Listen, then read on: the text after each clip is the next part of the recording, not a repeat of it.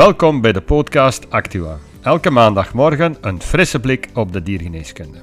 Het is vandaag 24 april, mijn naam is José Moté.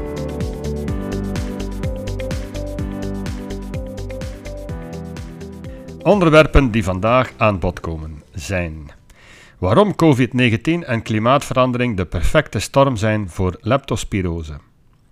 17 mei is Wereldhypertentiedag en hoe gaat het met je mentale gezondheid? Test het met een zelfscan voor zelfstandigen. Leptospirose is in opmars. Amerikaanse onderzoekers waarschuwen voor meer leptospirosegevallen de komende decennia, zowel bij mensen als bij onze patiënten. De laatste jaren spreken we meer en meer over One Health, gezondheidsproblemen, vaak infecties, bij mensen die ook bij dieren voorkomen, zoonosen dus. En we zijn beginnen inzien dat als we er iets aan willen doen, we maar beter kunnen samenwerken. Geneeskunde en diergeneeskunde.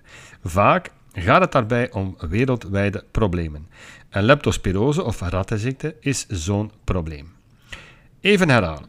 Leptospirose is een spirocheet die het lichaam binnenkomt via slijmvliezen of beschadigde huid. Er ontstaat een vermenigvuldiging van het organisme in het bloed, waarna de bacterie zich gaat vestigen in de renale tubuli en van daaruit terug verspreid wordt in de urine.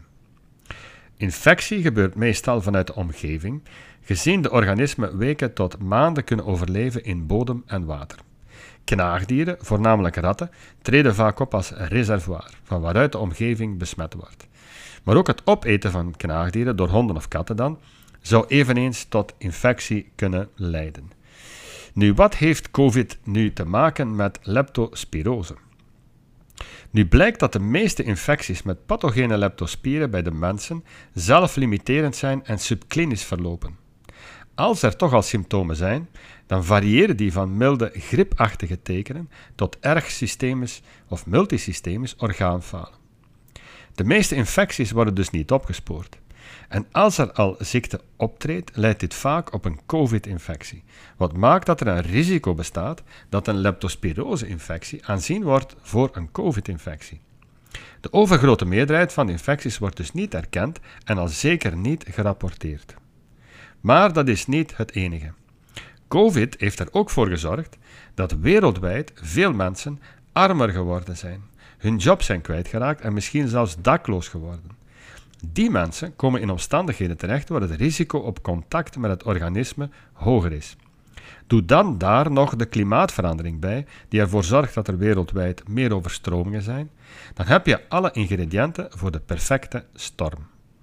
Het risico op infectie is zoveel groter bij mensen en dieren die meer blootgesteld zijn aan water of aan de tussengastheer, knaagdieren dus. Recent onderzoek heeft zelfs uitgewezen dat de bacterie zich kan vermenigvuldigen in brakke grond. En dat verklaart waarom er typisch uitbraken van leptospirose optreden 1 tot 3 maanden na een overstroming. Met andere woorden, COVID, klimaatverandering en de groeiende wereldbevolking zullen het risico op een leptospirose-infectie wereldwijd dramatisch doen toenemen. Zocht je dus nog een goed argument om eigenaren te drukken op het belang van vaccinatie tegen leptospirose, dan heb je er nu eentje bij voor het toch al goed gevulde lijstje. Het is via collega's bij SEVA dat wij geïnformeerd werden over het bestaan van een Wereldhypertentiedag. Op 17 mei dus, zoals gezegd. En omdat hypertensie ook een gekend probleem is bij honden en katten, organiseert SEVA in de maand mei de maand van feline hypertensie de zesde editie ondertussen. De zesde editie. Dan zou je toch vermoeden dat iedereen op de hoogte is van het bestaan van hypertensie bij de katten en bij honden en degelijk wordt getest. Nee. Blijkt dat nog steeds veel te weinig dierenartsen de bloeddruk nemen bij honden en katten. Oké, toegegeven. Ze kunnen vaak lange tijd leven met hypertensie zonder dat dit klinische tekenen veroorzaakt. Maar schade aan de zogenaamde eindorganen is onvermijdelijk. En vandaar dat ze bij Seva graag de omschrijving silent killer gebruiken. Dus een warme oproep van Seva om vanaf nu bij alle katten boven de 7 jaar de bloeddruk te meten. Trouwens, als je de eigenaar spreekt over hypertensie en de gevolgen daarvan, dan willen ze allemaal weten of de bloeddruk van hun kat wel oké is. Heb je daarbij hulp nodig? Weet je niet goed hoe je dit moet doen? Of wil je wat materiaal hieromtrent om eigenaren in de praktijk te sensibiliseren? Neem dan zeker contact op met je vertrouwenspersoon bij Seva. Ze gaan u graag verder helpen. Hoe is het gesteld met jouw mentale gezondheid? We hebben het hier vaak over mentale gezondheid omdat het gewoon belangrijk is. En omdat we er allemaal doorgaans veel te weinig aandacht aan besteden. Tot het soms te laat is en er een prijs te betalen valt. Maar, goed nieuws. We zijn blijkbaar niet alleen. Volgens Acerta voelen twee van de drie zelfstandigen zich niet goed in hun mentale vel. En ze willen daar iets aan doen, door onder meer een campagne op te starten rond het onderwerp. En een van de onderdelen van die campagne is een zelfscan, waarmee je kan nagaan hoe het gesteld is met jouw mentale gezondheid. Wat onder andere getest wordt met de zelfscan is je emotionele balans, je work-life balance, je professionele relaties en je financiële balans. En met dit laatste bedoel ik dan of er financiële factoren zijn die je emotioneel uit balans brengen. Het is een eenvoudige scan, gemakkelijk uit te voeren en te vinden op de site van Acerta, zelfstandigezonderstress.be.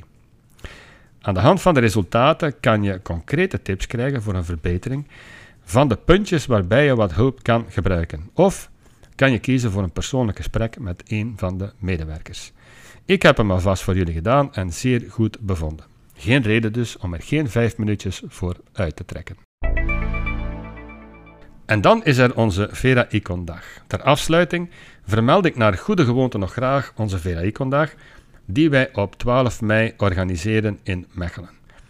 De spanning loopt op, de sprekers werken volop aan hun presentatie en meer en meer inschrijvingen bereiken ons de laatste dagen.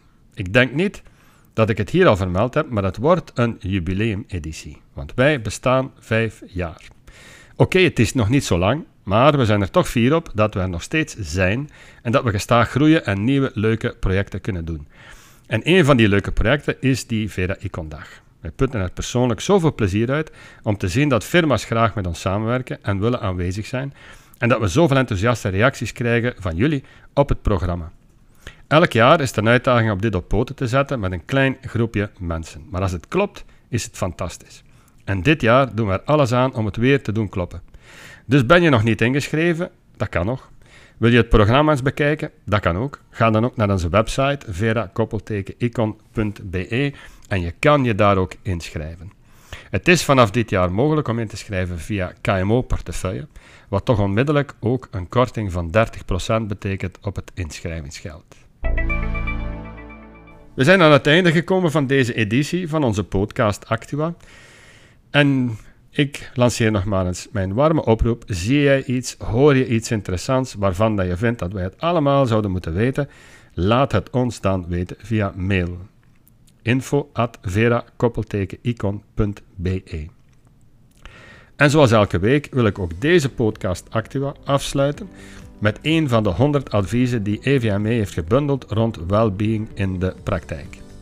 Ik heb ditmaal een advies opgenomen voor je fysieke gezondheid. Ga eens na hoeveel koffie en of alcohol je dagelijks of wekelijks drinkt. En wees eerlijk over je motivatie om dit te doen. Dit kan gevolgen hebben niet alleen voor je fysieke, maar ook voor je emotionele en sociale welzijn. Ik wens je nog een prettige werkweek.